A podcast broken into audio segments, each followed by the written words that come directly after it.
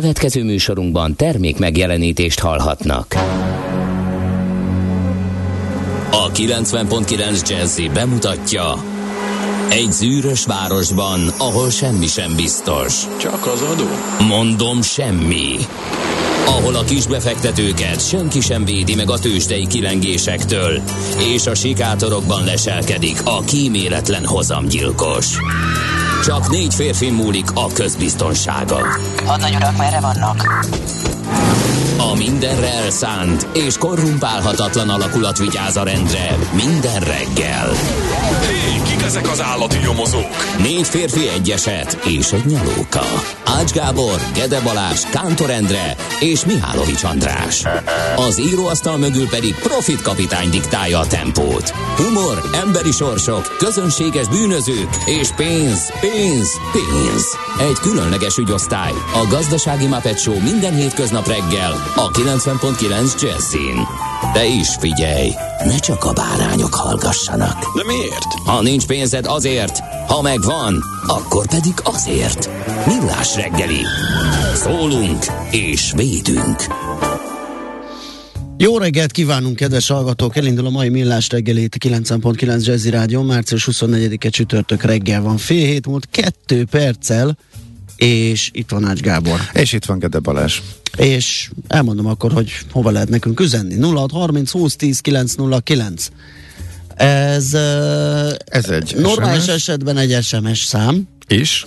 is, most annyira, mintha nem működne, de, De hát azt, azt mondta Zsott kollega, hogy életre keltette, nem? Ezek szerint no nem? SMS or AirDroid can't access SMS. Meggyőztél.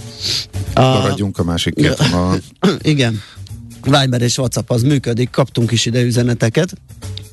Az egyik arról szól, hogy jó reggelt, a Doha és Luszai közötti autópálya jól járható. Picit meleg van már, most 28 fokot mutat a hőmérő, köszönjük szépen. Köszönjük. Ez a leghasznosabb info Budapesten. Abszolút. kétségkívül. Igen. De ugye, igen. Itt is nagyon szépen süt a nap egyébként. Egyébként is langyosabb a reggel, és nagy, szokott. igen, igen, Ugye? igen, igen. És ez a, ez a derültség, ez a, ez a, ez a napsütő, ez már nem olyan, mint a múlt héten, hogy járult hozzá egy mínusz nyolc, Igen. hanem nagyon kellemes, csicsergős, gyönyörű tavasz idő van. A mezőgazdaságot meg az asszályt leszámítva, átlagember fejével gondolkodva, illetve tekintve ki az ablakon, gyönyörű idő Nagyon klassz, igen. Úgyhogy- Kicsit nagy a hőmozgás, ugye az éjszakai... Jaj, nem, nem, nem baj. Nem baj. Tudom. Jó. Az abariak panaszkodnak, tudom, mínusz 9 volt reggel, és majdnem plusz 20 délután. Oké, okay. Hát igen. ismerjük, ez minden évben így van. Az abariak mindig fáznak hajnalban, a leghidegebb pontja az országnak. Nem Csomószor- csak fáznak, ugye az, Az- gyötri az arra Gyötri, érzékenyeket, ugye oké. fejfájás, izé, minden. Engem meg a sötét, Ízűleg. meg a hideg gyötör, nem probléma. Engem nem zavar. Téged nem, az hogy ott. hogy idefele fűtök, hazafele hűtök a kocsiba. Nem zavar, mert az automata intézi. Igen, egyébként tényleg így van. De minden tavasszal eljön ez az időszak, amit én nagyon élvezek. A rólót se húztam le, hogy az arcomra süssön a nap, jövő héten már úgyis a hamarabb föl kell. A monitor, igen, de ez csak néhány perc, de még ezt is Igen, élvezem. igen Úgyhogy abszolút, hogy az én, én nem látok semmit, azt is élvezed, de Pár Öm, perc az egész. nem, egyébként már elment, a kezdés előtt pár perccel sütött rá a nap, és akkor láttam, hogy Na, és ugye most órát, boros. órát tekerünk. Ja, az klassz, ezt tegnap megemlékeztünk a belegondolsz, igen. Macival erről, hogy milyen jó is lesz ez, ugye egy ledolgozós szombat és egy ki nem alvós óra tekerős vasárnap. Ez egy jó kombó. Nekem meg arra jutott eszembe, hogy eg- így utólag mennyi felesleges szócséplés volt erről a vitáról, hogy akkor hogyan változtatjuk meg, hogy akkor melyikhez csatlakozunk, azt az egész le lett fújva már, mint ez az orrálításhoz kapcsolódó. Igen, de az Többet teljesen nem, te- lett többet teljesen lefújva, Hát ugye, nem, de hogy eltolták évekkel. Aha.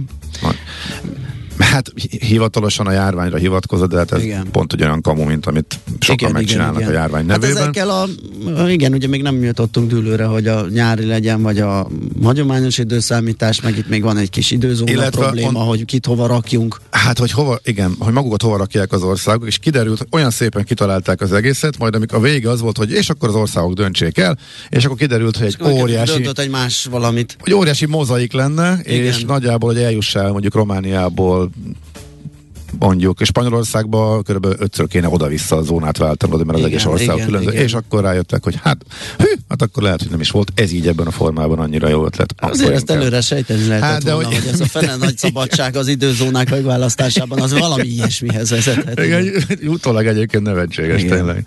De mennyi szó volt? De hallgatókban is milyen elképesztő véle, vitát váltott ki. Mindenkinek, mindenkinek meg volt véleménye, Igen, mindenki megmondta, megírta, igen. Uh, jó, hát majd meglátjuk, lesz ennek még folytatása. A lényeg a lényeg, hogy vasárnap állítani kell. De nem egy hamar, meg szerintem legalábbis. Uh, igen. Ez így lekerült a napirendről, és most sutyiba senki nem beszél róla. Szóval kíváncsi, hogy újra előhúzzák-e, illetve mikor. Most az energiaválság, ami van, ez milyen irányba viszi ezt a dolgot, mert ugye energiát lehetne spórolni, ez a nagy mondás, arra meg aztán minden eddig nagyobb szükség van. Ez azt mondaná, hogy mégis előjöjjön, és újra téma legyen? Nem igen, tudom. Ez- igen, igen. Na hát kíváncsian várjuk. Most egy, egy büdös szó nincs róla uniós szinten se. Most, a lényeg. Mostani időszakban. Azt írja egy kedves hallgató, érdekes kívánságok, vagy jó kívánsággal üdvözöl minket. Volatilis csütörtököt, kartársak. Hát ő egy speki, ezek szerint. Igen.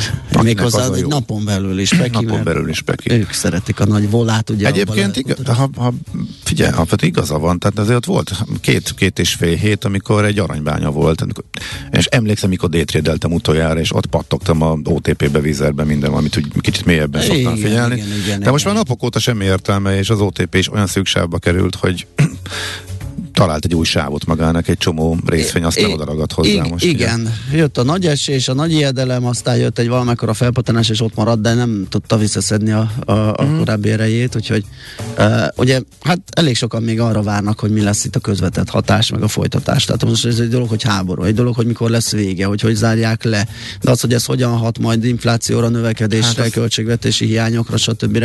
Azt azt hiszem, hogy... Hát figyelj, elég ránézni a jegybanknak az inflációs jelentésére. hát egyébként igen. Abban minden benne van.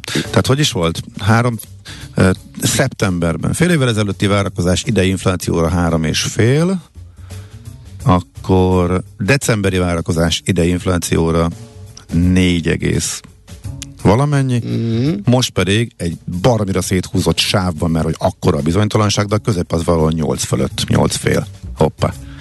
Na, és az mindent elmondott. Ja, és ugyanez Pepitában növekedés lefele.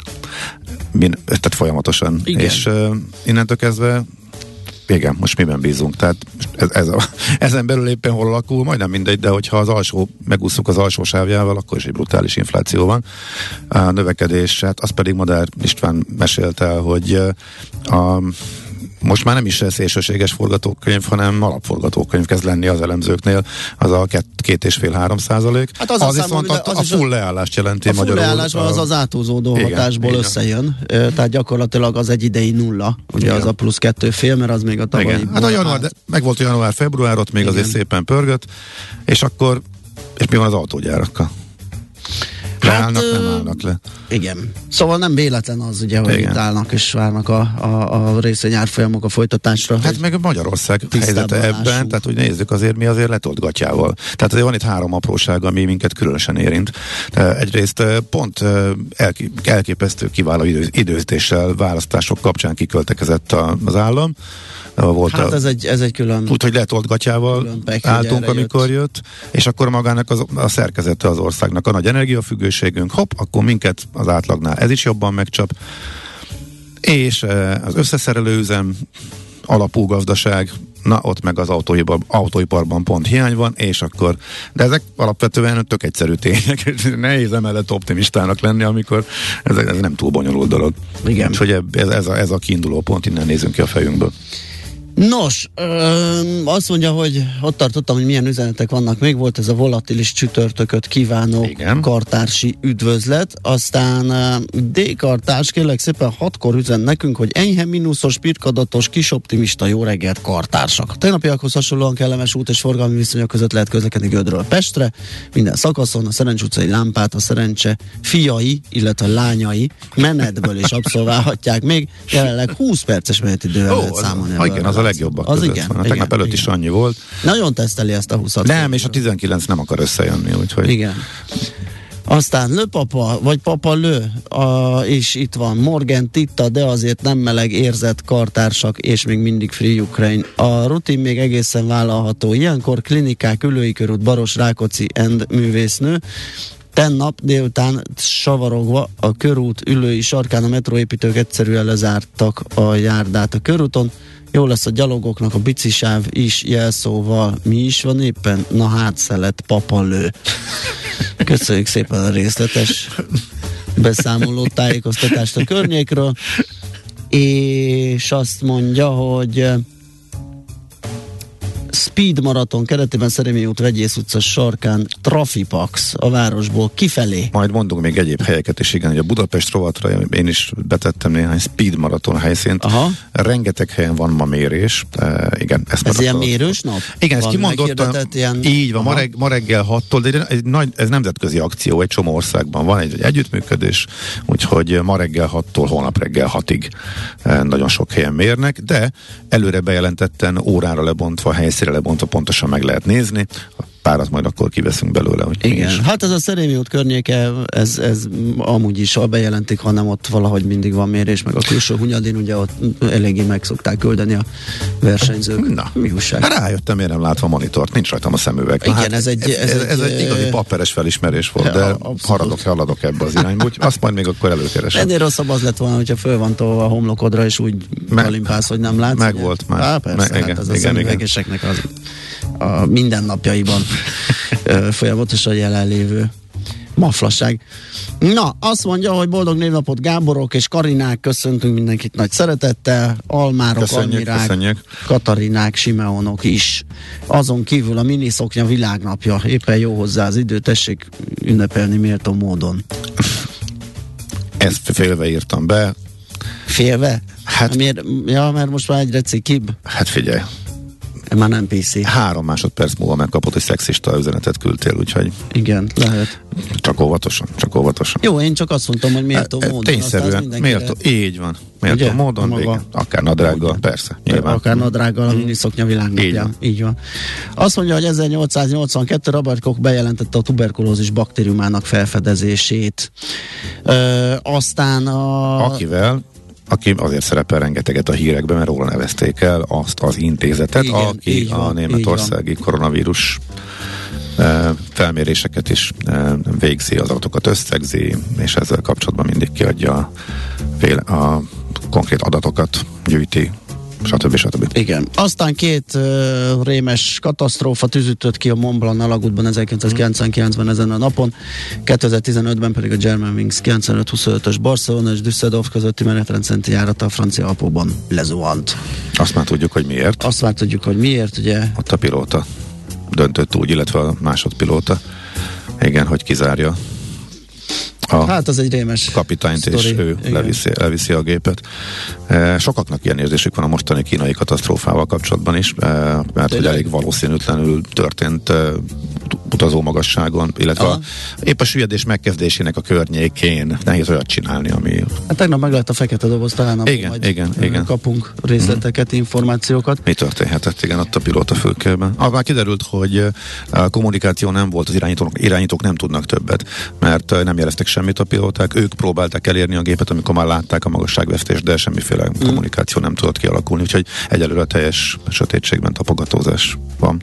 Talán majd segít, igen, a fekete doboz, hát illetve a, a kettő doboz közül is inkább a hangrögzítő lenne itt most talán, ami Igen. többet tudna segíteni. A születésnaposok közül Harry Houdinire vagy Ace Erikre emlékezhetünk. 1874-ben született Joseph Barbera, amerikai animátor, a Hanna és Barbera stúdiók alapítója 1911-ből. Gyerekkorunkban tátottuk a szánkat, ugye Igen. a két hölgy milyen klassz rajzfilmeket csinált. neked, neked hány éves korodban derült ki Ó, az nem, igazság? nem tudom, elég sokan. Jó, én is így voltam.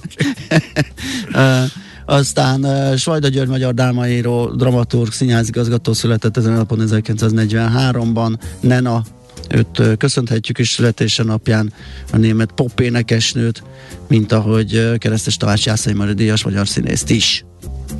Ez a millás reggeli, megyünk tovább lapszemlével még hozzá. A portfóliót olvasgatom, ugyanis kiderült a 400 forintos euró árfolyam háttere magyarázata, hát a spekik ráugrottak a forintra. Ugye ez nem annyira meglepő, hogy ez történt. Ez az MNB most megjelent ábra készletéből derül ki, és igenis volt technikai szint a 370 forint, igenis észlelték, hogy itt a lehetőség, itt a, itt a trigger, amivel át lehet ezt korábbi vitánkra, így, igen. Is van és szépen, szépen nekiálltak spekulálni, ami aztán persze mindenféle ö, lendületet vett, és ö, azokat zárogatták itt vissza a 370-ig visszakapaszkodó ö, forint kapcsán. Hát, ilyen bonyolítanám mennyire. Ugye, volt egy pánik a világban, jött az Uncharted Territory.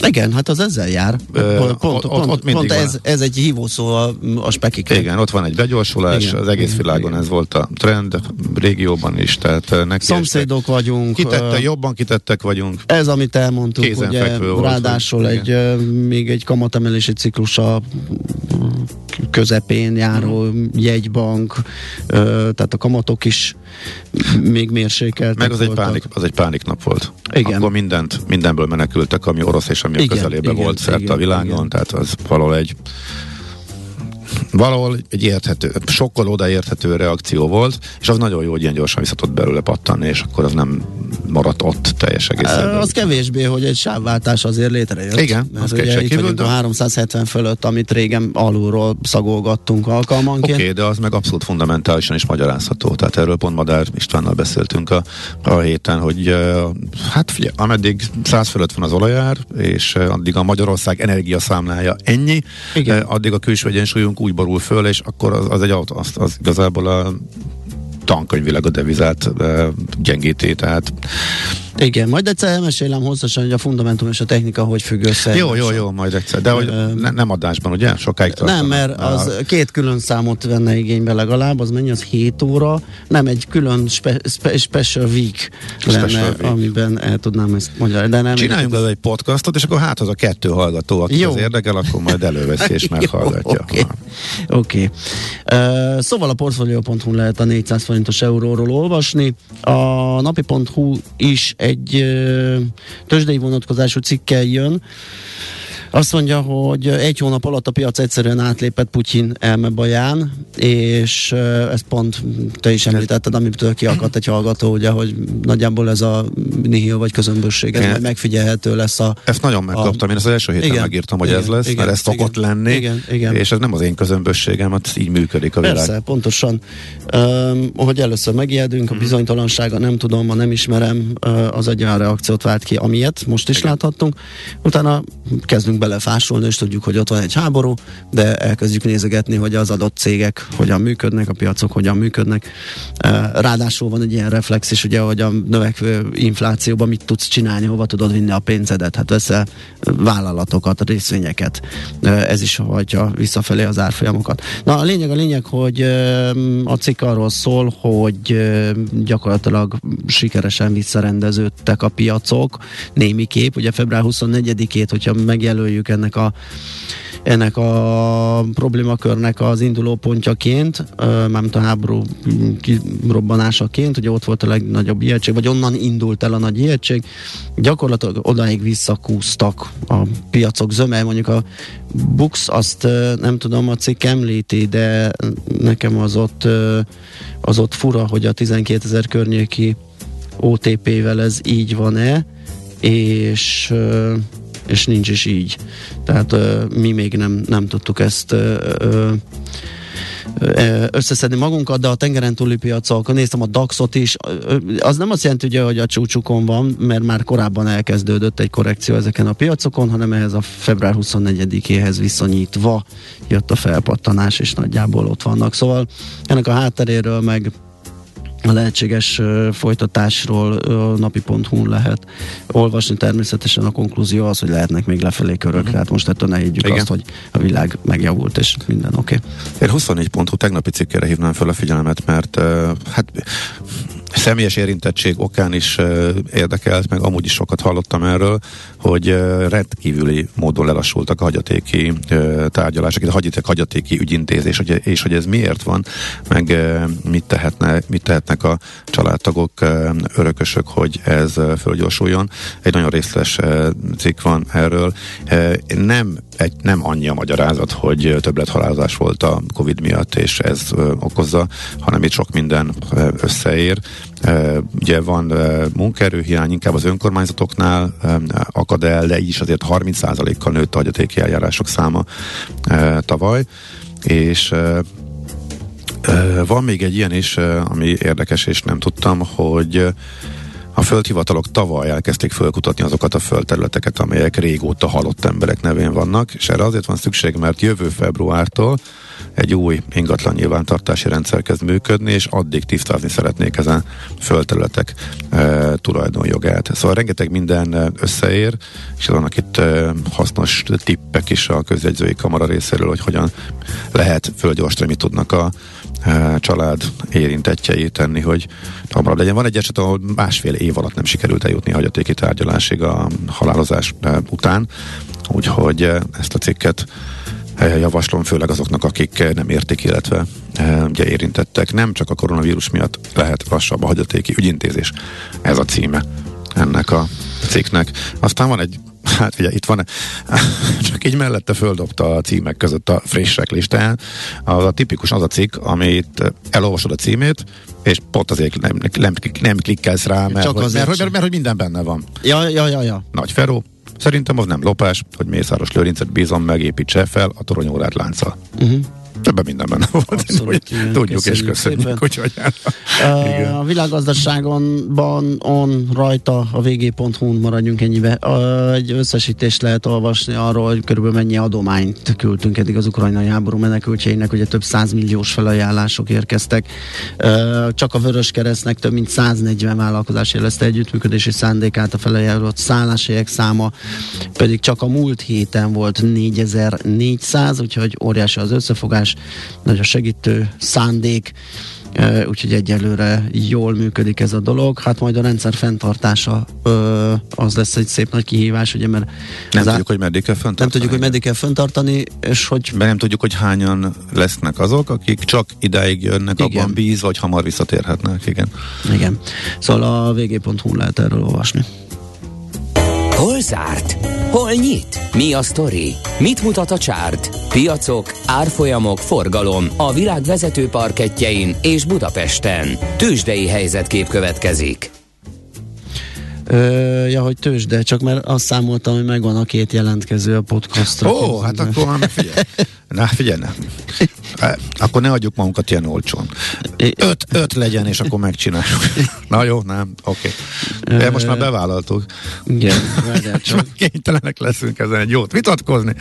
Ó, a hallgató közönség előtt is. Jó, oké. Okay. Azt mondja, hogy a MOL vezetésével 6,1%-os emelkedést produkált a BUX, 274 pont a többlet, 44.612 lett az áróérték, és hogy miért volt a MOL, ugye, mert bejelentette az osztalék fizetési ami között egy rendkívüli kifizetés is szerepel, így ha mindent összeadunk, kb. 300 forintot fog perkálni részvényenként az olajtársaság, ami még a tegnapi rallival is ö, 10% fölötti egyszeri osztalékhozamnak felel meg, úgyhogy persze, hogy rárobbantak a béfektetők, és elkezdték vásárolni, 5% fölött erősödött a MOL papírjainak árfolyama, egész pontosan 5,7%-kal kereken 2800 forintig, ez 150 forintos többlet, és a 24 milliárdos forgalomból most az OTP-t megközelítő mértékben lehagyni nem tudta, de 9,7 milliárd forint értékben kötöttek a Móra üzletet. Az OTP egyébként szintén ö, nem, kezdem előről, az OTP csökkent szemben a mollal 2%-kal 12.335 forintra, ez 260 forintos mínusz. A Magyar Telekom az 9 forint 50 fillérrel esett 401 forint 50 fillérre, ez 2,3%-os csökkenés. A Richter pedig 100 forinttal 1,4%-kal 7210 forintra nőtt. A Bumix az 2%-os csökkenést szenvedett el, az x kategóriában pedig a DM Care, ami 3,7%-kal hasított, alapvetően csökkenő árfolyamok voltak, még a Gloster is, aki ugye előrukoltak kitűnő számaival, 9,1% mínuszban zárt, a napenyerté pedig 2,1-ben. Napok óta kerestem a magyarázatot, hogy mitől volt olyan bivajerős a Wall Street a múlt hét második felében, de több napon is az történt, hogy a visszapattanást értettem, az várható volt, tehát ez törvényszerű a tulajdonságból egy nagy pattantyú jöttek, ugye a béketárgyalások is, béketárgyalások is jöttek a hírek, aztán amikor a hírek negatívba váltottak, a Wall Street, hát egymás követő szerintem három napon, vagy nem, kettő, két és fél napon keresztül eljátszotta azt, hogy a semmire vagy rossz hírekre is bivajerős volt, és fölfelé tartott. E, aztán mire megjött egy olyan magyar ávat, ami úgy nagyjából úgy érthető, vagy azt mondtam, hogy na, hát, hogy elfogadom, addigra tegnap lefordult, uh-huh. de hát ez már egy másik történet. Szóval azt mondta az egyik nagy szakértő, hogy Tina. Tényleg? Uh-huh. Az óriási. De ebben van valami. Uh, a Tina az a There is no alternative-nak a Igen. vicces Wall Street kifejezése, és összevetve ugye a Covid visszapattantyúval most egy óriási különbség, hogy akkor a világ összes pénzét beöntötték a jegybankok, és fiskális stimulus is volt, tehát a kormányok is mindent beletettek, hogy mentsék a, a menthetőt a gazdaságokat, illetve a piacokat is. Most ilyet nem tudnak csinálni az infláció miatt, úgyhogy szigor van, tehát abszolút ellentétes reakció lehetne. Úgyhogy ezt kiesik. Amivel nagyon egyszerű volt megmagyarázni, hogy mi történt a, a Covid V betű idején, tehát a Covid nagy szakadásból, hogy miért uh-huh. jöttek vissza gyorsan a piacok, az most biztos, hogy nincs. Az viszont, hogy a kötvények még a múlt héten is nagyon rosszul teljesítettek, és kimondottan komoly hozamemelkedés volt Amerikában. Oda nem tud menni a pénz. A készpénzből elkezdett menekülni, mert nagyjából, oké, okay, hogyha nulla a hozam, vagy minimális, akkor nem foglalkozol, hogy készpénzben van, nem sokat veszítesz. De hogyha már folyamatosan megy fel a kamatszint, akkor relatíve egyre nagyobb hülyeség készpénzben ülni, tehát valóban érdemes azt a pénzt vinni. Ha a kötvényeket kilőttük, akkor azért kézenfekvő hova vinni? Ami még a legstabilabb. Részvény, de azon belül, ami legtávolabb van a háborútól, ami a legstabilabbnak tűnik, eh, és alapvetően megnyug, megnyugtatta a piacokat. A Fed azzal, hogy emelgeti most vadul a kamatokat, de meg tudja ezzel találni azt az egyensúlyt, hogy nem csúszik recesszióba a gazdaság és az inflációt is majd.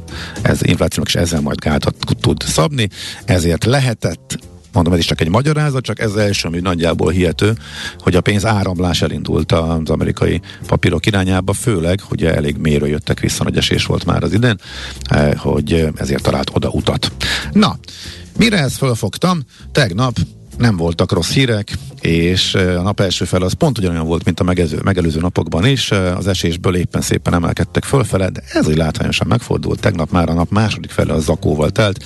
A nezdek, amit pluszba húztak, a nap közepén a nezdeket is leütötték, és ez a bizonyos 200 napos mozgó átlag, amit te nyilván nagy figyelemmel követsz az S&P 500-asban, az, az, az kerülgeti, és miután éppen örültek, hogy fölé tudott menni, és talán majd támaszra alakul, és ez megtarthatja, hogyha esés jönne. Most ismét uh, alá ha jól látom, akkor alá zárt, vagy nagyon-nagyon tesztelgeti, úgyhogy kritikus technikai szintek környékén mocorog a Wall Street, és tegnap elromlott a hangulat, ezt lehet mondjuk akkor nagyon egyszerűen kiemelni és összefoglalni. Tőzsdei helyzetkép hangzott el a Millás reggeliben. Hát nincs mese, van érdeklődés, kérlek szépen beharangozott aj, podcast aj, elkészítésére, úgyhogy ebből már nehéz lesz uh, ki, okay. kicsusszanni. A dolognak az előzménye annyi, mert az, az nem hangzott el, csak itt csipkelődtünk egymással, hogy mi egy, ugye amelyet itt chat, chat szobában lehet ilyen néhány szavakban egy, estünk egymásnak, és kicsit szivattuk egymást az eltérő véleményünkkel a technikát, eh, illetve Igen. A, a, annak az előjelző képességét eh, illetően egy olyan helyzetben, amit rendkívüli esemény okoz, ugye nekem ez volt mindig, hogy, hogy előre tudja jelezni a technikai elemzést azt, ami, ami majdnem, hogy fekete hattyúként zuhan ránk, tehát nem tudjuk, hogy jön, és ezen vitatkozgattunk egy jót, egy kicsit szivatva egymást, úgyhogy hát minden, oké, ha van, van rá igény, akkor ez majd lehet, Így hogy van, ezt majd jobban kibontjuk, hogy hogyan és miképpen gondoljuk az egyik oldalt, vagy a másikat. Na, most viszont uh, hírek, Bú, ha kivel, azt tudjuk, várjál, csak mindjárt megnézzük. Én jövök ma. Ez a írja. Schmidt-Andi. Schmidt-Andi írja. Úgyhogy Jó. ő fogja nekünk akkor mondani ezek szerint a híreket, utána jövő visszajövünk és folytatjuk a millás segített a 9.9 Jazzin. A reggeli rohanásban könnyű szemtől szembe kerülni egy túl szépnek tűnő ajánlattal. Az eredmény krétával körberajzolt tetemes összeg. A tethelyen a gazdasági helyszínelők, a ravasz, az agy és két füles csésze és fejvállalakzat. A lehetetlen küldetés megfejteni a Fibonacci kódot. A jutalom egy bögre rossz kávé és egy olyan hozamgörbe, amilyet még Alonso Mózli sem látott. Millás reggeli, a 90.9 Jazzy Rádió gazdasági mapetsója. Vigyázat! Van rá engedélyünk! A műsor főtámogatója a Schiller Flotta KFT. Schiller Flotta and Rent a Car, a mobilitási megoldások szakértője, a Schiller Autó családtagja. Autók szeretettel. Valamint a GFK Hungária, a cégek technológiai alapú szolgáltató partnere. Szép jó reggelt kívánunk mindenkinek, ez a Millás reggeli itt a 90.9 Jazzy Rádión, és egy imádkozó sáska formájában itt lévő Ács Gáborral köszöntjük a hallgatókat. Eh, Gede Balázs, köszönöm szépen rá. Rájöttem, hogy ez most az a pillanat, most kéne megállítani a föld forgását. Ó, Tehát- ez honnan jött ez a gondolat? Hát, hogy a hátamat süti a nap, de a monitoromat már nem. Tehát Aha. ez, ez így a legkellemesebb állapot. Aha, Lehet, hogy már a munkában is zavar, mert hogy túlságosan kellemes. Ez a butha felállás, igen, ez már, igen. Na, tehát ez túl- egyfajta a- napüdvözlet, ami Igen, ugye az ez- egész napod ez- energizálását ö, hivatott szolgálni. Ez már a túl jó. Ebből Értem. a szempontból lehet, hogyha maradunk a forgásnál. Hát Szolya műszaki vezető kollégának most építi az új stúdiót, hogy valami ilyen forgótalapzatú és a Ó. naphoz Hát, igazodó ötlet, igen. és oda arra beálló, megfelelő szöget folyamatosan tartó ilyen mozgó platformot nyugodtan csinálhatna. Tehát nem kerül az semmibe. képes rá. Mind, az, az, ilyen, az ilyen... Persze. Aha, igen. Szerintem már rajzolja. igen. Ha már egy nagy okét már hallunk Egy is, nagy igen. okét, igen, egy ilyen égszíjas, átételes, léptető motoros, ö, Óriási kihívásnak veszi, és egyből. Uh-huh. nagyon klassz lesz. T- Szuper, tök jó. Na, um, emellett közlekedési híreink vannak-e? Hát nézzük meg őket. Budapest legfrissebb közlekedési hírei, itt a 90.9 jazz Tegyük fel, hogy vannak SMS formájában, amiket nem látunk sajnos.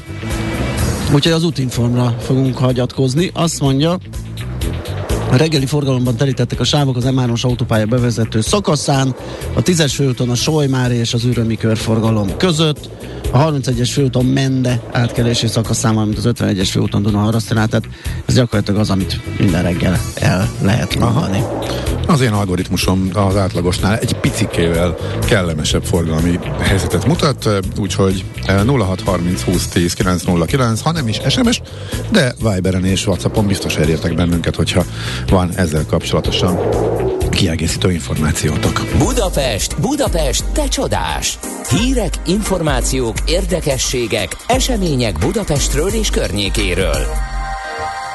Nos, ahogy beharangoztuk, ugye a Speed Marathon folytatódik, csütörtök reggeltől péntek reggelig tartó ellenőrzési helyszíneit tette közzé a rendőrség. A polisz.hu lehet megtalálni részletesebben, nyilván nem tudunk most mindent ö, felsorolni, de ott egészen megyékre bontva ö, az összes mérési helyszín időpontokkal felelhető. Én azért a mostaniakat azért gyorsan Nézzük. átfutnám, mert ugye egészen szépen órára lebontva ott vannak, hogy uh, hol is kell uh, figyelni. Uh, gondolom folyamatosan viszik át egyik helyről a, a másikra a sebességmérő berendezéseket, mert az ott a szűk kapacitás, de érdekes. Kíváncsi hogy a Bécsi út 501 előtt hajnali 2 és 5 között vajon hány gyorshajtót sikerült fogni, de ez az olyan, hogy már túl vagyunk. De akkor nézzük, hogy a reggeli időszakban mi a helyzet. Azt mondja, hogy 9, 9, 9-től 17-ig. Van, ahol hosszabb, van, ahol csak néhány órát e, töltenek el, és 6-tól 9-ig például a Szerémi út e, 9, a 11. E, kerületben, e, aztán aztán, aztán, aztán a Ferihegyi repülőtérre vezető út D-portánál e, lesz trafi, e, ami mér is. Aztán 20. 20. kerület Törökflóris utca 222 egészen pontosan, és és csak ennyi érdekes módon. 9-től viszont sokkal több helyszínen majd. Aha. Úgyhogy lényeg az, hogy van, ahol délbe odébb gurítják a mérő szerkezeteket, de hogy ma ennek a speed maratonnak a keretében a szokásosnál sokkal több helyen és aktívabban lesznek jelen a sebességmérő készülékek, illetve kezelőik ez a lényeg. És nyissunk egy új plázát gyorsan. Gyorsan, két nap múlva meg is történik ez. Ez, ez ma, a cikk írja. Ja, a cikk a két nap múlva látom, március 24-én, tehát most, most lesz az ünnepélyes megítója a Gobuda Mal néven Uh, újra nyíló Eurocenter Leánkori nevén Eurocenter. I- igen, igen, igen, igen. Tíz hónapig volt zárva, és minden csili amit modernizálni lehet, azt mondják egy régi plázából, hogy újat és modernt lehet varázsolni, azt itt elvégeztek. A napi.hu cikkének érdekessége az, hogy arról szól hogy sajtóbejárás keretében lehetett uh, megnézni, majd a cikkben egy szó nincs arról, hogy mit látott az újságíró, és fotót sem készített, uh, hanem lényegében a sajtóközleményre uh, épül. Úgyhogy uh, fura, hogy akkor most nem volt ott, vagy, vagy besült a fényképezőgép, vagy... Lehet, kihúzta a tekercset ja. és fényt kapott. Ja. Igen. Minden esetre a lényeg az, hogy egy 25 ezer négyzetméteres bérbarható felülettel uh-huh. rendelkező, száz üzletnek helyet adó reng, szolgáltató funkciót is betöltő, majd bla bla bla bla bla. Az épp gépészet, korábbi gépészeti területek egy része irodává alakult, de a gépészet fölött a tetőn a gépek áthelyezésével mai modernkor igényei igen, nagy, nagy zöld tetőterrasz, tetőkert, játszótér, épület sziluettje megmaradt, belső tereket átalakították, a korábbi bérlők 80%-a megmaradt, e, árakat azt azért nem közölt a Wing, mint fejlesztő, uh-huh. tehát hogy most pontosan e, milyen árakon lehet kivenni. A bérleti díjakról e, hallgatnak, úgyhogy nagyjából ennyi.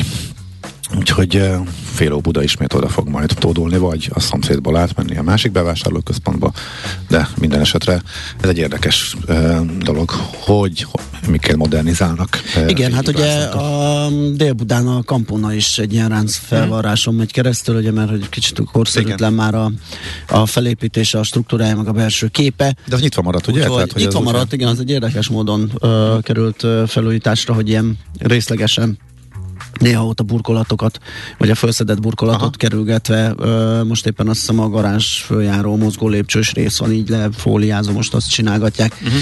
de az is kapott egy ilyet. Nekünk a Gellért hegy a Himalája. A Millás reggeli fővárossal és környékével foglalkozó rovata hangzott el. Ez a millás reggeli továbbra is, és hát tegnap már a, a házitrollunk is kérte, hogy foglalkozunk egy kicsit az építőanyagokkal, úgyhogy most megtesszük. Tettük ezt korábban is, ugye, amikor kialakult az a kis vita arról, hogy a lakásárak esetleg eshetnek-e az idén, ugye ott is szerepeltek az emelkedő építőanyagárak, hogy ha más nem, az megtámaszthatja az árak csökkenését, mert hát az kerül, amennyibe kerül. Nos, az De most meg már hiányról is vannak pontosan. jóslások, szóval hogy állunk pontosan? Tibor Dáviddal, a Masterplast nyerti elnökével fogunk erről beszélni, ő van a telefonvonalunk túlsó végén. Szia, jó reggelt! Jó reggelt kívánok! Na, hát ö, nektek van egy jó rálátásotok arra, hogy ö, hogyan is alakulnak az építőanyagárak, ugye, mint termelők, forgalmazók. Úgyhogy mi az elképzelés most az idei évre, és mi történt eddig, mert hogy már lassan az első negyed év végén járunk? Az építő anyagáraknál a tavalyi év is kellő izgalommal telt, mert a Covid miatt felborult ellátási láncok is már egy áremelkedés és részben hiányt jelentettek, és már akkor is növekvő energiaárak mellett mi egy ilyen 20-25 százalékos árnövekedést prognosztizáltunk a Hazai Építőanyaggyártók Szövetsége keretében, de ennél a, hogy mondjam, teljesen más forgatókönyv kezd kialakulni, aminek egyértelmű oka és, és kiváltók az a, az, az orosz-ukrán háború. Uh-huh. Ott, igen, ott mi borult úgy, föl, és igen, ott hogyan alakította át? Aha. Igen, úgy látjuk, hogy két fontos szempontból változott meg a piac ebben az egy hónapban. Az első az, hogy Oroszország, Ukrajna vagy Belorusszia gyakorlatilag fémekben, néhány műanyag alapanyagban, szálas főszigetelőanyagban. Az Európai Unió ban viszonylag jelentős alapanyag vagy végtermék ellátó volt. Ez a legjellemzőbb talán a, a, a fém megpiacán, de mondom ugyanúgy jelen vagy műanyag vagy, vagy szálas hőszigetelőanyagban is, és hogy ez a mennyiség egy olyan piacról esett ki, ami már előtte is rendkívül feszített volt, hiányokkal küzdött, és ha már akkor is relatíve magas energiaárak folyamatosan emelték a gyártók költségeit. És akkor erre robbant rá az a helyzet, hogy, hogy érint ez a termékek egyik köre, hogy a hiány tovább nőtt, a, az árak tovább nőttek, és, és sajnos ez, ez, ez adta az egyik pofont. A másik pofont, az pedig tisztán a, az energiaárak adják. Az építőanyagoknak egy igen jelentős része az, az gázzal készül, gázzal gyártódik. Ugye a műtrágyát szokták emlegetni, mint a közvetlen a gázhoz kapcsolódó termék, de ugyanilyen, ha belegondolunk a tégla, a kerámia cserép, de ugyanígy a szálasfőszigetelő anyagok gyártásánál rendkívüli energiamennyiséget használnak, a gipszkartonlapok gyártásánál. Tehát egy sor olyan, de akár a csempék égetett kerámia termékek, egy sor olyan termék van, ahol gázzal fűtik a termelést, és olyan szinten ugrott meg a termelési önköltség, hogy ma már tisztán látszik, hogy ez a 20-25 százalékos áremelés ezen energiaintenzív gyártású termékek esetében ez jóval magasabb lesz, és gyakorlatilag havonta árazódik át a piac hiány, amiről beszéltek, az egy olyan értelemben valós jelenség, hogy természetesen minden beruházó, magánépítkező, kivitelező uh, próbálja azt az anyagot, amit mondjuk elvállalt egy munkát, vagy adott egy árajánlatot, az ehhez szükséges építőanyagot már előre megvenni. Úgyhogy én összességében nem látok hiányt egyébként, ez picit olyan, mint az üzemanyag hiány, ami gyakorlatilag a gyors felvásárlás miatt lett hiány. Úgyhogy néhány termékben egyébként egyébként is szükös volt az ellátás, tehát ott kisebb hiányjelenségek voltak. Most viszont az okozza a hiányt, hogy gyakorlatilag mindenki próbálja még a régi árakon, vagy hát a régi árakon már nem lehet, de legalább egy köztes áron uh, megvásárolni az anyagokat. Tehát előre, előrehozott vásárlások vannak az áremelkedés sivárakozások miatt. Uh-huh. Igen, igen, és ez okozza azt, hogy, hogy jó pár anyagból gyakorlatilag az ellátás az, az most akadozik, és, és kevés van, de összességében a, a, az áremelkedéseket, ha külön választjuk ettől a helyzettől, alapvetően az energiárak növekedése okozza, és a hiányuk egy részét pedig az orosz-ukrán belorusz termelési kapacitások kiesése uh-huh. okozza. Úgyhogy nagyon komplex a helyzet, de a nap végén egy dolog biztos, hogy ma jóval többe kerül, és ez gyakorlatilag hétről hétre, hónapról hónapra egy fölfele mutató trend építkezni vagy felújítani. Úgyhogy az emberek vagy a profi beruházók ezt látva nyilván, amit meg tudnak vásárolni, azt próbálják előre hozni. Úgyhogy a lakásárakról, hogy beszéltetek, mhm. én teljes fikciónak tartom azt, hogy bármilyen lakásár csökkenés lehet, olyan szinten drágul az új lakások költsége vagy a felújítás, hogy, hogy azt gondolom ez mindenképpen megtámasztja. Igen, igen, de, de meddig? Tehát ez, ez nem két, három, meg öt százalékokról beszélünk, hanem folyamatosan 20-30 százalékokról. Tehát előbb-utóbb a fizetőképesség eléri azt a határt, hogy, hogy megvegyen lakást, drágulnak a hitelei, tehát egyre költségesebb a finanszírozása. Meddig tud ez beépülni, és mikor lehet az, hogy már, egy, a, már a keresletre is visszahat ez a hatalmas áremelkedés? Illetve ebből lehet az, hogy akkor simán le, leállnak az új fejlesztések fejlesztések. Hát Nem, Például. nem esik le az ár, csak nem Tehát lesz nem, értelme nem tudom beépíteni nem a, a lakásárba, akkor nem csinálom meg. Amit mondhatok, az teljesen e, sajnos már egy valós forgatókönyv, már az építőanyag kereskedő partnereink találkoznak elsősorban olyan magán beruházókkal, Aha. akik családi házat szeretnének építeni maguknak, vagy egy nagyobb lélegzetű felújítást terveztek, akik azt mondják, hogy egész egyszerűen ők már nem kivárnak, vagy csökkennek az árak, egész egyszerűen nincs annyi pénzük, hogy a mai építőanyag árak mellett ezt megvalósítsák. Sajnos ez egy jelenség, de ez elsősorban azt a, azokat a, a projekteket érinti, amik, amik még nem kezdődtek el. Azt Aha. tudni kell, ugye az építő ipari ciklus borzalmasan hosszú, tehát itt onnantól kezdve, hogy elkezd leállni a szektor, még legalább másfél évig relatíve jól Igen. megy. Uh-huh. Mert mert, mert az, ha már egy, tehát a, a, ami már kinő a földből, aminek már a falait húzzák, annak már a finanszírozása is megvan, annak egy, ha, ha beruházó egy részét már el is adta lehetséges azoknak a lakásoknak, illetve eh, ahhoz már részben az építőanyagot és a kivitelezőt is leszerződték. Tehát, eh, és, és ez még a következő egy-másfél évben épülni fog, míg, míg abból egy kész lakás vagy kész ház lesz. Úgyhogy ilyen értelemben a szektornak nyilván vannak ilyen plafonjai, és sok magánberuházó már most emellett döntött, de közben nagyon, eh, hogy mondjam, kettős a helyzet. A mai napig zöld hitelt két és fél százalékon eh, még lehet fölvenni, és Mhm. még valószínűleg hónapokig lehet.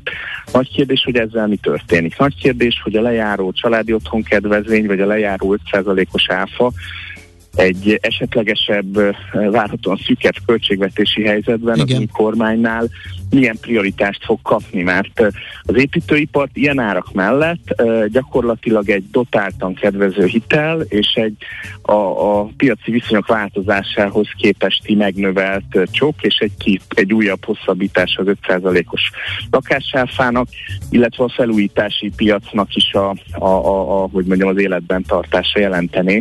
Úgyhogy a döntő lesz az, hogy hogy, hogy milyen uh, kormányzati hátszelet kap, vagy az eddig meglévő hátszelet, azt mennyire lesz képes az új kormányzat megtartani. Világos. Egy utolsó kérdés, hogyha a háború véget ér, akkor ez elhozhatja az árcsökkenést is? Ez nagyjából automatikus, vagy azért ennél sokkal bonyolultabb, és a, a helyzet már, mint visszakanyarodva a picit a építőanyag árakra, meg a szűkösségre. Igen. Nem, ebből a szempontból egyszerű a helyzet, hogyha vége van a háborúnak, és helyreállnak bizonyos kereskedelmi ö, hogy mondjam, kapacitások, vagy kereskedelmi kapcsolatok, akkor az hozni fog, és ho- hozhat egy árcsökkenést. De én mindig úgy vagyok az árcsökkenéssel, hogyha valami emelkedik 40%-ot, akkor utána az mondjuk csak 10 csökken, arra az árszintre általában nem tér vissza, és az, az itt sem reális, mint ahonnan elindult. Tehát ez a korrekció, ez egyrészt azon fog múlni, hogy az energiárakkal mi történik, ami rendkívül fontos faktor. Másrészt mondjuk, ha Oro- Oroszországgal és Belorussziával szemben marad egy erős uniós embargó, például a fémekre, ami ugye sajnos már van, akkor az azt jelenti, hogy az, ott, ott például azon a területen semmi nem fog változni. Úgyhogy a legfontosabb kérdés nekünk az energia, hogy annak a, tehát magyarul a gázárak mikor térhetnek vissza egy relatíve hogy mondjam, konszolidált szintre, ez, ez mindenképpen befolyásolja ezt a, a, a, piacot, és azt gondolom, hogy azt is, azt is figyelembe kell vennünk, hogy ez nem egy magyar jelenség, az se az építőanyágárak emelkedése, se a, a túlzottan nagy kereslet, sem a felvásárlás, hogy Európában van egy felújítási láz, egy építési láz, és én azt gondolom, ha nagy képet nézzük, akkor hosszú távon a kormányoknak, ha valóban energiafüggetlenséget szeretnénk uh, Oroszországtól, akkor a kormányoknak az egyetlen igazán nagy megtakarítási esélye az az épületállománynak a szigetelése. Tehát ez viszont a felújítási piacnak a, a prosperitása felé hat, úgyhogy nagyon sok így egymással ellentétes ö, hatás van, de alapvetően mi bizakodóak vagyunk, mert az új lakásépítés, ha fékez is, azt gondolom, hogy egy jelentős felújítási programnak muszáj lesz elindulni Európai Uniós szinten és Magyarországon is. Uh-huh. Világos. Oké, Oké. okay. okay, köszönjük Nagyon szépen. komplex, komplex, de sokkal jobban értjük. Köszönjük szépen, hogy elmesélted mindezt. Nagyon köszönöm. Szia, szép napot. Szia, szia! Tibor Dáviddal, a Masterplast. NRT elnökével beszélgettünk az építőanyagárak lehetséges alakulásáról. Ez a millás reggeli. Itt a 90.9 Gen Zin, és uh, azt, azt írják. Kicsit a- megpöszültél a hírek, alatt, de Ez a Jesse, Jesse Aha, igen. ö, ö, rádió. Uh, sziasztok, a zöld hitel nem fog kitartani az OTP-nél már áprilisban elfogyhatott, azt mondták, aki március végéig nem igénye, annak már nem fog jutni. Ez az előző beszélgetésünkre reflektált a hallgató. Hmm. Aztán többen írják, hogy jó a zene végre, meg jók a zenék ma, oh. ilyeneket. Biztos tegnap is írták, csak akkor nem láttam. akkor nem nyúlok hozzá továbbra sem. Na, kérem szépen, ahogy azt már tegnap is mondtuk, mert tegnap is beszélgettünk ESG-ről, meg fenntartható befektetésekről, valahogy úgy jött össze a hét, hogy most minden napra jut egy kicsi ebből. Ez azt hiszem, hogy jól jelzi azt a, azt a nagy trendet, ami most a befektetési piacokat jellemzi, illetve a befektetési döntéseket befolyásolja. Úgyhogy ma is erről lesz szó. Böröcki Dezsővel a Diófa alapkezelő üzletfejlesztési menedzserével és Ince Zsomborral a Diófa alapkezelő üzletfejlesztési vezetőjével. Sziasztok, jó reggelt!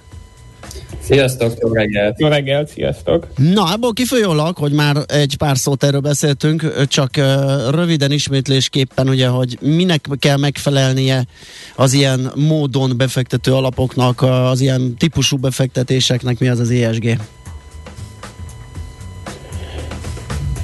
Igazából egy exakt definíció az nincs erre a fogalomra. Ez az egyik fő kérdés, hogy hogyan lehet minél jobban meghatározni. Ugye eléggé előre haladott a jogi szabályozás ennek a területnek. Van az úgynevezett taxonómia rendelet és az SFDR rendelet. Ezekben most nem akarok részletesen elmerülni. Annyit, hogy ezek átfogóan érintik most a befektetési szektort, és az SFDR rendeletnek gyakorlatilag az a célja, ezek ugye uniós jogszabályok, az a célja, hogy a hivatalos közzétételek útján minél inkább transzparensen és átláthatóan lehessen látni egy termékről, hogy az mennyire zöld. Az úgynevezett taxonómia rendelet pedig az ESG faktor, ugye az E-faktort, vagyis a környezeti faktort fogja meg. Ez pedig azt, azt próbálja meg megmagyarázni minél jobban, hogy mitől környezeti szempontból fenntartható egy befektetés, és erre próbál szabályozói válaszokat adni. És jelenleg eljutottunk oda, hogy 2020. március 10-től kezdve, ugye mi befektetési alapokkal foglalkozunk, például azoknak a befektetési alapoknak, amelyeknek fenntarthatósági célja van, vagy fenntarthatósági jellemzőket mozdítanak elő. Ez egyébként két külön jogi kategória. Ezeknek átlátható és transzparens módon kell informálni a befektetőket arról, hogy milyen módon fenntarthatók és hogyan. Ugye két kategóriát különítünk el, az úgynevezett SFDR 8-as cikk szerinti alapok, azok a sötét világos zöldek, ezek mozdítják elő a fenntarthatósági jellemzőket, és ennél egy magasabb kategória az SFDR 9, ezek az úgynevezett sötét zöld termékek vagy alapok, és ezeknek konkrét fenntarthatósági célja van, erre gyakorlatilag elő is ír a szabályozó opciókat, hogy milyen célok közül lehet választani, és még nagyon fontos megemlíteni, hogy nem elég egy célt megnevezni a terméknek, hanem a többi lehetséges ESG jellemzőben sem lehet jelentős káros hatása. Például nem lehet egy olyan eset, hogy nagyon jó éghajlatváltozás szempontjából, de a, a szociális faktorba, vagy nem tudom, a, a biológiai sokféleség védelmében pedig nagyon rosszul teljesít ez az adott vállalat. Mennyiben vesz figyelembe ez a minősítés folyamatokat, és mennyiben ilyen uh, statikus pillanatnyi állapotokat? Itt most pont amit mondtál, hogy ahogy bizonyos uh, dolgokat nem csinálhat, vagy, uh, vagy nem jellemezheti a vállalat működését, uh, az egy pillanatfelvétel, de mi van, hogyha az egy folyamat, és éppen csökkenti, redukálja az ilyen irányú tevékenységét, az elfogadható-e ilyen szempontból? Abszolút, abszolút. Tehát, hogy nincsenek egyelőre azok a standardek elfogadva, vagy nyilvánosságra hozva, amik, amik nagyon szigorú mértékeket határoznának meg. Azt lehet mondani, hogy a legfontosabb az, hogy legyen egy átlátható, transzparens módszertan, ami alapján ezek a termékek, legjellemző módon ugye vállalatok, és ugye vállalatoknak a részvényei, ezek, ezek folyamatosan és transzparens módon tudják igazolni azt, hogy a tevékenységük azok hozzájár, az hozzájárul-e, és ha hozzájárul, akkor milyen mértékben. Tehát például egy ilyen jó metrika lehet, ugye ezeket fenntarthatóság metrikákkal mérik, a, a széndiokszid kibocsátás, és az, ha ez évről évre csökken, az ESG szempontból mindenképpen egy pozitív jellemző. Uh-huh. Ezeket kifigyeli, kiállítja fel? Van ezekre ilyen akreditált tanácsadói testületek vagy szervezetek, akik minősítenek, akiknek elfogadott a, a, a minősítése, és az alapján lehet mozogni ezen a területen? Kik, kik döntenek ezekről a kritériumokról? Vannak ugye különböző, különböző tanácsadó cégek, akik, akik ebben tudnak segíteni, de nagyon fontos megkülönböztetni az értékpapír és az ingatlan vonalat. Aha. Ugye mindkettővel foglalkozunk. Az értékpapírok esetében uh, igazából nemzetközi cégek különböző pontszámokat rendelnek, különböző ESG faktorok mentén az adott uh, vállalatnak mondjuk a részvényeihez, és ez alapján a, mondjuk mi, mint uh, mi mint befektetési alapkezelő, amikor összeállítjuk egy alapnak az összetételét, akkor tudunk arról dönteni, hogy vajon ez számunkra eléggé ESG-e, vagy elég zölde, vagy sem. Az ingatlanoknál ennél egy kicsit talán komplexebb a helyzet, ott ugye, ott ugye egyébként ez a folyamati kérdés is nagyon jó, amit, amit, amit feltettél. Pont nemrég az egyik nagy tanácsadó cég szervezett egy kerekasztal beszélgetést, ahol egészen az építőanyag gyártástól odáig, hogy mi, mi mint alapkezelők megvesszük ezt, a, ezt az épületet majd valamikor, és, és tartjuk a portfólióba hosszú évekig vagy évtizedekig részt vettek ugye panelisták. És igazából azt nagyon érdekes volt látni, hogy, hogy ugye az építőipar már ott tart, hogy legyenek különböző nagyon környezetbarát módon előállítható építőanyagok, mi pedig, mint, mint, mint, mint ugye befektetési alapkezelő, mi, mi, mi meg azzal foglalkozunk, hogy, hogy a nap végén a kész terméket, ami akár egy, egy tényleg egy, egy hosszú évtizedes folyamat is lehet. Tehát vannak olyan házaink, amik 20 éve a portfólióban vannak. Nagyon fontos, hogy 20 évvel ezelőtt mit gondoltak a fenntartatóságról, és nagyon fontos, hogy most mit gondolunk a fenntartatóságról. Tehát ezért, ezért is ez, ez, ez a folyamat, ez, ez tényleg egy, egy ilyen hosszú, hosszú történet. Tényleg egyébként az, az ingatlanokra is vannak különböző minősítések, ilyenek Magyarországra jellemzően a LEED meg a BRIEM minősítések. Mi, mi egyébként most mondhatnám azt, hogy, hogy már nagyon, nagyon korán sok-sok évvel ezelőtt is azt gondoltuk, hogy ezek, ezek, ezek nagyon értékes házak lesznek ma, mert, mert tényleg van olyan alapunk, amiben csak ilyen nagyon magasan minősített épületek vannak. Akkor azért ez még nem volt ennyire tiszta, de, de, de például a, a, az egyik ilyen legmagasabb minősítési kategória, a, a LEED skálán a Platinum, ez a, ez a, ez a, ez a, a legelső magyar LEED Platinum ház is például a mi portfóliónkban van.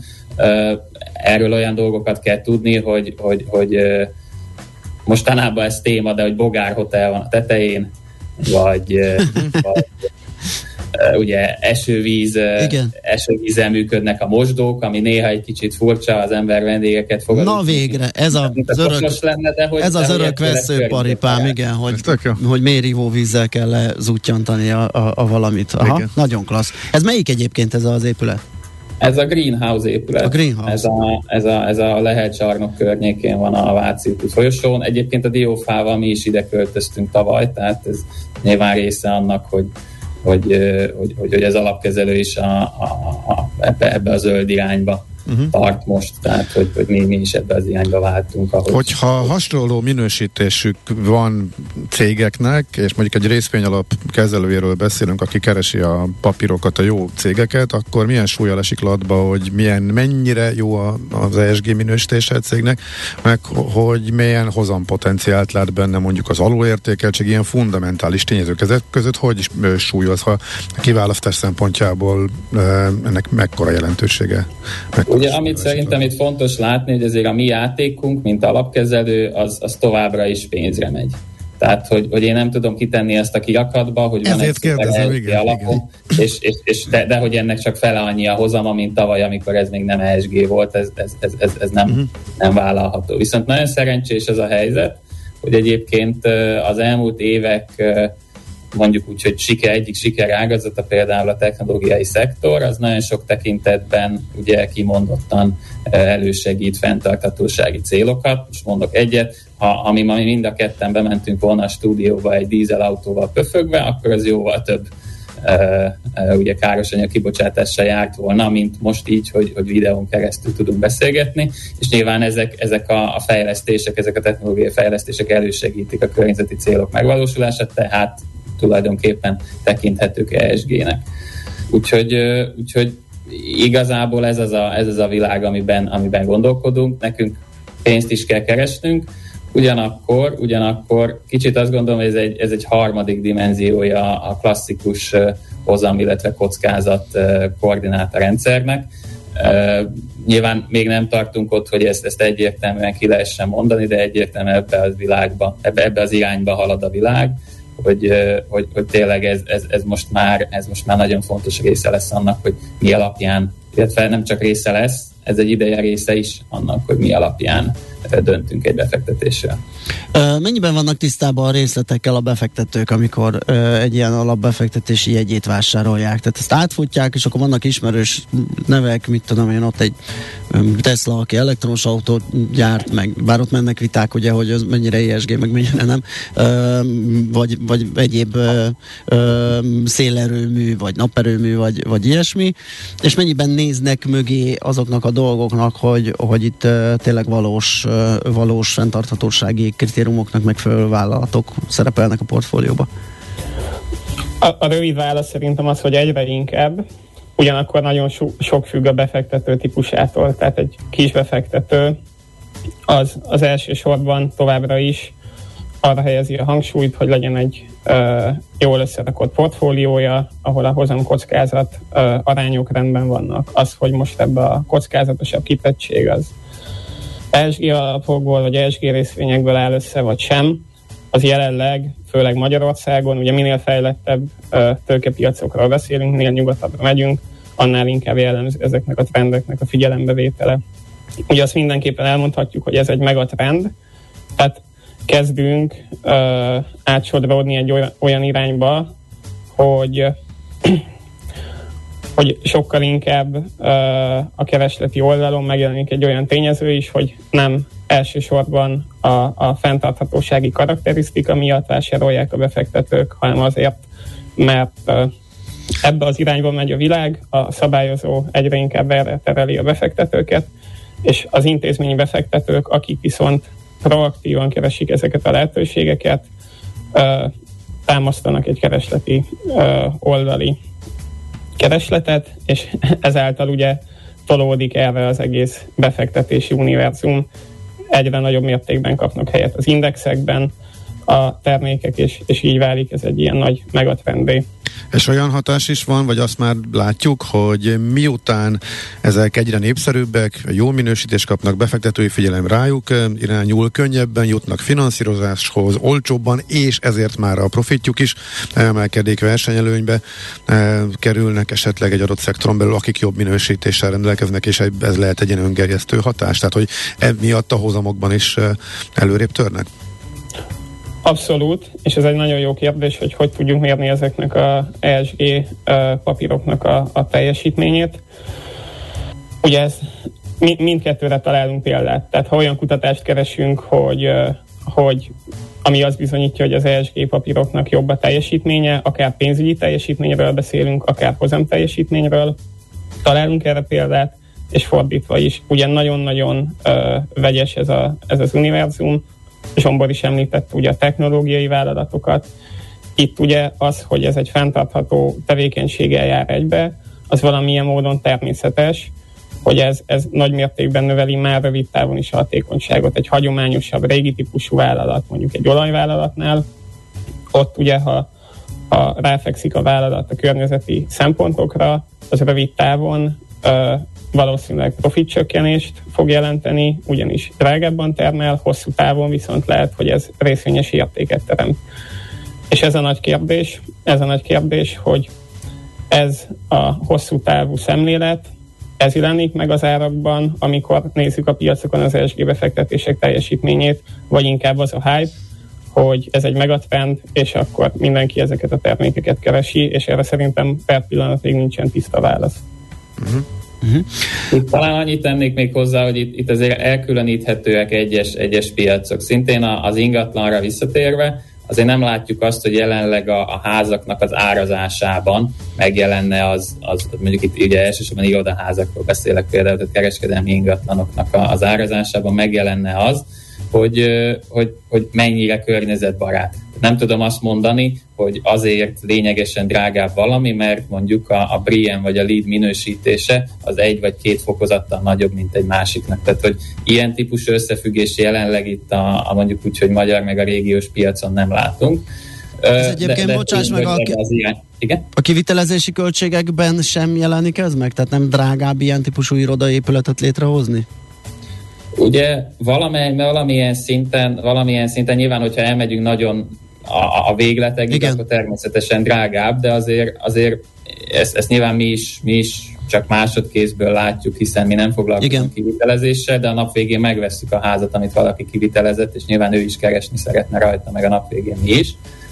Ö, azért, azért nem szükségszerű, hogy, hogy lényegesen drágább legyen, inkább, inkább sok esetben odafigyelés, meg átgondoltság szükséges egy-egy konkrét tényezőnek a, a, a, a, a megváltoztatásához. Örökzöld példa meg nyilván már, már nem is ebbe az irányba menne, tehát hogy ez most már alap, és, és mondjuk 10 vagy 20 évvel ezelőtt volt nagy szám, de az, hogy most a, a parkolóházába vagy irodaháznak néhány parkoló helyére biciklitárolókat létesítek, és néhány további parkoló helyre pedig zuhanyzókat, annak azért a, a, a, a költsége az nem olyan eszelős nagy a teljes projekthez képest, de mégis nagyon sokat javít azon, hogy számos kolléga ugye érkezhet biciklivel, és utána le tud zuhanyozni, át tud öltözni, és, és el tudja végezni a napi munkáját. Akkor, hogyha egy picit mégis magasabb a beruházási költség, viszont nem tudom érvényesíteni a bérleti díjakban, akkor mi, mi az a plusz, ami miatt érdemes ilyet ö, ö, kivitelezni és fenntartani? A, a kihasználtsága nő meg ezeknek? Mert esetleg olyan vállalatokkal telik meg, akiknek fontos, hogy ilyen helyen legyenek? Így van, ez egy, ez egy hosszú távú kockázatcsökkentés mondjuk a mi oldalunkról. Tehát ha, ha, ha most megveszünk egy nagyon környezetbarát házat, arra sokkal nagyobb valószínűséggel tudjuk azt mondani, hogy erős és mondjuk úgy, hogy minőségi bérlői kereslet lesz mondjuk 5 vagy 10 év múlva, mint arra, amit, amit, amit megépítenek, de már első nap kicsit szelel az egyik ablak mert erre nem figyeltek annyira oda. Uh-huh. Kicsit még ezt a greenwashing jelenséget is járjuk körbe, ugye az ingatlanoknál talán nem felelhető, mert azért itt, itt nagyon jó paraméterezhető az, hogy egy ingatlan mit tud, vagy mit nem. Tehát ott nagyon nehéz maszatolni, hogy a, a dolgokkal. Viszont vállalatok esetleg feltüntetnek olyan tevékenységet, ami, hogyha miére járunk, akkor azért annyira nem fenntartható, vagy annyira nem zöld, annyira nem környezetbarát dolog. Hát alapvető érdekük lett így most már, hogy a cégek megpróbálják magukat sokkal szebbnek, sokkal zöldebbnek beállítani. Abszolút létező jelenségről van szó. Ugye gyerekcipőben jár ez az egész ESG minősítési történet. Zsombor szintén említette, hogy vannak külső adatszolgáltatók, és azt látjuk, hogy a nagyobb cégeknél, a elsősorban amerikai nagy tőzsdei cégeknél, vagy a, a nagyobb európai cégeknél van megfelelő információ, ez transzparens, és megfelelő részletezettséggel tényleg a széndiokszid kibocsátástól elkezdve a nem tudom milyen kvótákig minden, mindenről is van adat. Ehhez képest a kisvállalatokról, akik ugyanúgy kapnak ESG minősítést, jóval kevesebb információ elérhető. A minősítők között is vannak jelentős különbségek, tehát adott esetben az egyik külső adatszolgáltató máshogy minősített céget, mint a második.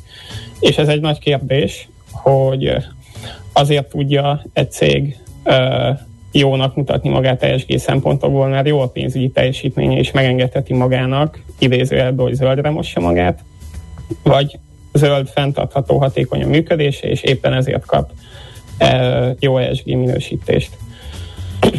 és, és itt nem fekete-fehér a kép, tehát találunk példát egyikre is, másikra is, ez mindenképpen egy létező jelenség, és nagyon nehéz olyan standard keretrendszert kialakítani, ami általános módon ráereszthető a tőkepiacokra, és úgymond ezen a szövegen keresztül úgy átnézhető a cégeknek a fenntarthatósági jellemzője, hogy ezáltal ki lesz jelenteni, hogy ez valóban zöld, vagy csak zöldnek mutatja magát. Ezzel meg kell birkózni a, a, a tőkepiaci szereplőknek, és, és nehéz, mindenképpen nehéz, uh, és mindenképpen létezik ez a greenwashing trend, talán, talán azáltal, hogy ennyire előtérbe kerülnek az ESG befektetések, egyre kevésbé lesz, egyre kevésbé lesz könnyű zöldnek mutatnia magát egy cégnek úgy, hogy amúgy nem zöld. Uh-huh. Világos. Ez egyébként egy valós probléma, tehát hogy mi, mi azt látjuk, hogy készítettünk egy felmérést intézményi befektetők körében, és azt látjuk, hogy az egyik legnagyobb aggodalom, sőt talán a legnagyobb aggodalom a zöld befektetések kapcsán, az az, hogy, hogy nap végén, a nap végén, amit ők, amiben ők befektetik a pénzüket, az nem lesz zöld. Ők azt gondolják, hogy zöld, de nem lesz zöld. Tehát, hogy ettől a piac tényleg aggódik. Világos. Nagyon köszönjük, megint kaptunk új muníciót, hiába beszélünk erről minden nap. Köszönjük szépen nektek, szép napot kívánunk a továbbiakban. Köszönjük szépen. Sziasztok!